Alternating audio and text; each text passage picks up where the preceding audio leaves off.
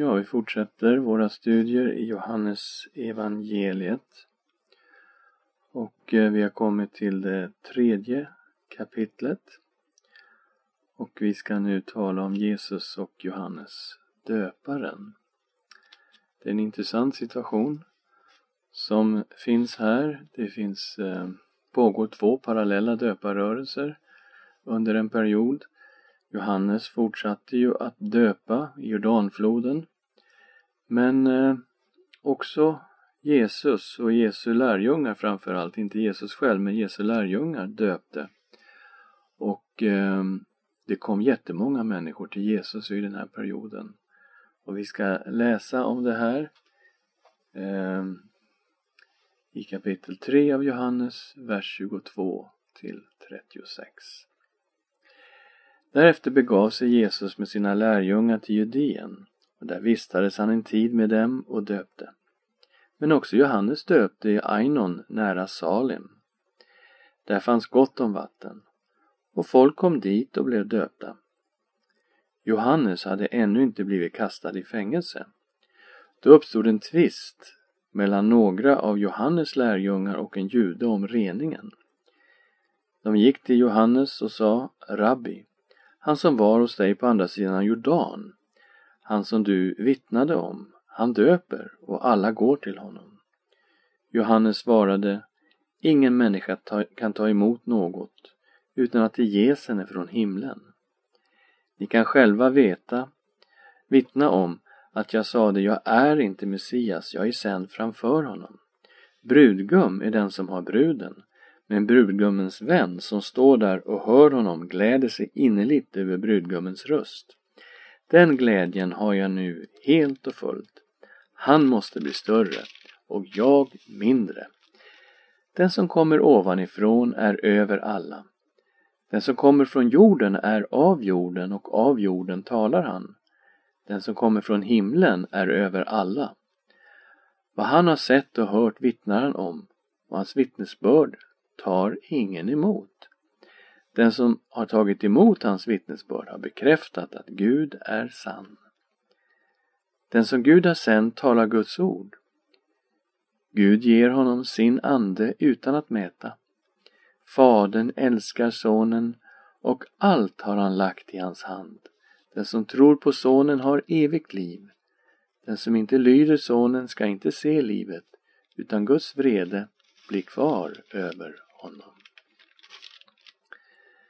Låt oss be tillsammans. Tack gode Gud för ditt ord. Tack för det fantastiska med Johannes döparens tjänst och det vi kan lära oss från detta. Tala till oss vi ber. I Jesu namn. Amen. Ja, i det första kapitlet så har vi ju Johannes döparens vittnesbörd om Jesus väldigt tydligt redovisat. Men här kommer Johannes döparen igen och eh, det pågår alltså två döparrörelser parallellt, en som nu växer upp kring Jesus och sen den gamla döparrörelsen som fanns runt Johannes döparen. Och det verkar som om Johannes lärjungar reagerar över att eh, det kommer så väldigt mycket människor till Jesus. Eh, vi läser i vers 25, det uppstod en tvist mellan några av Johannes lärjungar och en jude om reningen. Då gick de till Johannes och sa Rabbi, han som var hos dig på andra sidan Jordan och som du vittnade om, han döper och alla går till honom. Med andra ord, är det här rätt att så mycket människor ska gå till den här Jesus som du vittnade om och som du döpte? Och Johannes svarar fantastiskt. Ingen människa kan ta emot något utan att det ges henne från himlen. Ni kan själva vittna om att jag sa, jag är inte Messias. Jag är sänd framför honom. Brudgum är den som har bruden, men brudgummens vän som står där och hör honom gläder sig innerligt över brudgummens röst. Den glädjen har jag nu helt och fullt. Han måste bli större och jag mindre. Fantastiskt. Så Johannes talar om sig själv. Han säger, jag sa från början att jag inte är Messias. Jag är bara sänd framför honom. Jag är egentligen som brudgummens vän. Och eh, brudgummens vän på den tiden, det var ett viktigt uppdrag. Det var brudgummens vän som fick gå till brudens familj och be om brudens hand. Brudgummens vän hade också en viktig roll vid själva bröllopet där han skulle passa upp brudgummen. Och det är den här bilden som Johannes tar på sig själv. Han hade ju bett om brudens hand, han hade ju förberett människor för att de skulle få möta Kristus. Det hade han vikt sitt liv åt. Att förbereda vägen för Messias. Så att människor skulle få möta Messias. Och när han nu får höra att massor med människor kommer till Jesus och blir döpta. Då säger han, jag är ju som brudgummens vän. Jag gläder mig över att bruden och brudgummen nu har mötts. Det är därför jag är kallad. Det är helt enkelt så att han måste bli större och jag mindre. Och sen så talar han om varför Jesus är så mycket större än han själv och alla andra. Därför att han kommer ovanifrån. Han kommer från himlen. Vers 31. Den som kommer ovanifrån är över alla. Den som kommer från jorden är av jorden, av jorden talar han. Den som kommer från himlen är över alla. Så helt enkelt detta att Jesus Kristus kom direkt ifrån Fadern, direkt ifrån Gud, gör att han är över alla. Vad han har sett och hört, det vittnar han om. Och hans vittnesbörd tar ingen emot. Här är det problem som Jesus har förklarat för Nikodemus. Att när ljuset hade kommit till världen så älskade ju människorna mörkret mer än ljuset eftersom deras gärningar var onda.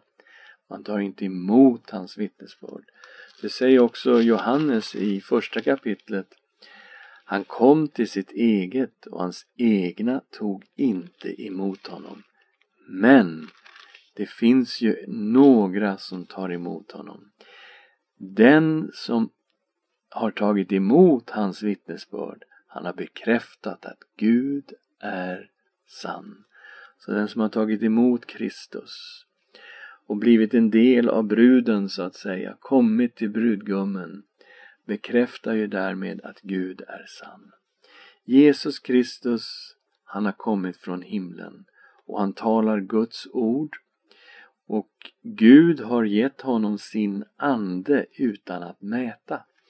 Kristus har alltså anden i hela andens fullhet. Och när han talar så talar han Guds ord och därför måste vi lyssna till Jesus. Fadern älskar sonen och allt har han lagt i hans hand. Vers 35. Precis allting ligger i sonens hand. Han är en uppenbarelse av Gud och när han talar talar han Guds ord och han talar i den heliga Andes fullhet. Och därför blir det helt avgörande om man tror på Sonen eller inte tror på Sonen. Vers 36, en vers som skakar oss. Den som tror på Sonen har evigt liv. Men den som inte lyder Sonen ska inte se livet, utan Guds vrede blir kvar över honom. Och man tänker på hur är det då att Guds vrede blir kvar över honom? Det vill säga innan vi mötte Kristus så fanns det då en sorts vrede över synden som finns i oss människor. Vi människor ska alltså stå till svars för den synd som vi har gjort. Och Bibeln säger att syndens lön är döden. Människan kommer alltså att stå till svars för alla sina gärningar, för sina tankar, för sina ord, för sina försumligheter, för sin synd kommer vi alltså stå, stå till svars för. Och det finns en Guds vrede över ondskan och över synden. Och det är alltså inte så att vi människor står så att säga från början på ett nollresultat utan vår utgångsläge är ett enormt minusresultat och därför behöver vi en frälsare. Vi behöver någon som räddar oss från konsekvenserna av vår egen synd. Och det är Jesus Kristus. Han har kommit och gett sitt liv, offrat sig för oss och tagit straffet för våra synder. Och gett oss, erbjuder oss ett evigt liv i himlen. Som det står i kapitel 3, vers 16. Så älskade Gud världen att han utgav sin enfödde son för att var och en som tror på honom inte ska gå förlorad utan ha evigt liv. Och det är i ljuset av det som vi förstår den 36 versen. Den som tror på sonen har evigt liv. Den som inte lyder sonen ska inte se livet utan Guds vrede blir kvar över honom. Vilken fantastisk förebild Johannes döparen är också för oss. Att han kallar sig själv för brudgummens vän. Att han vigde hela sitt liv till att förbereda människor för att möta Kristus, för att föra människor till Kristus. Och när de hade det här mötet med Jesus, när bruden och brudgummen möttes, då var han bara glad som brudgummens vän. Han gladde sig över att människor kom till Jesus och hans inställning att han måste bli större och jag mindre. Att Jesus ska komma först. Jesus ska också vara stor i våra liv och vårt eget jag ska försakas och vara mindre så att Kristus blir allt i oss. Ska vi be tillsammans. Tack Herre Jesus Kristus för att vi får vara dina efterföljare. Och ge oss nåd att få vara som brudgummens vän.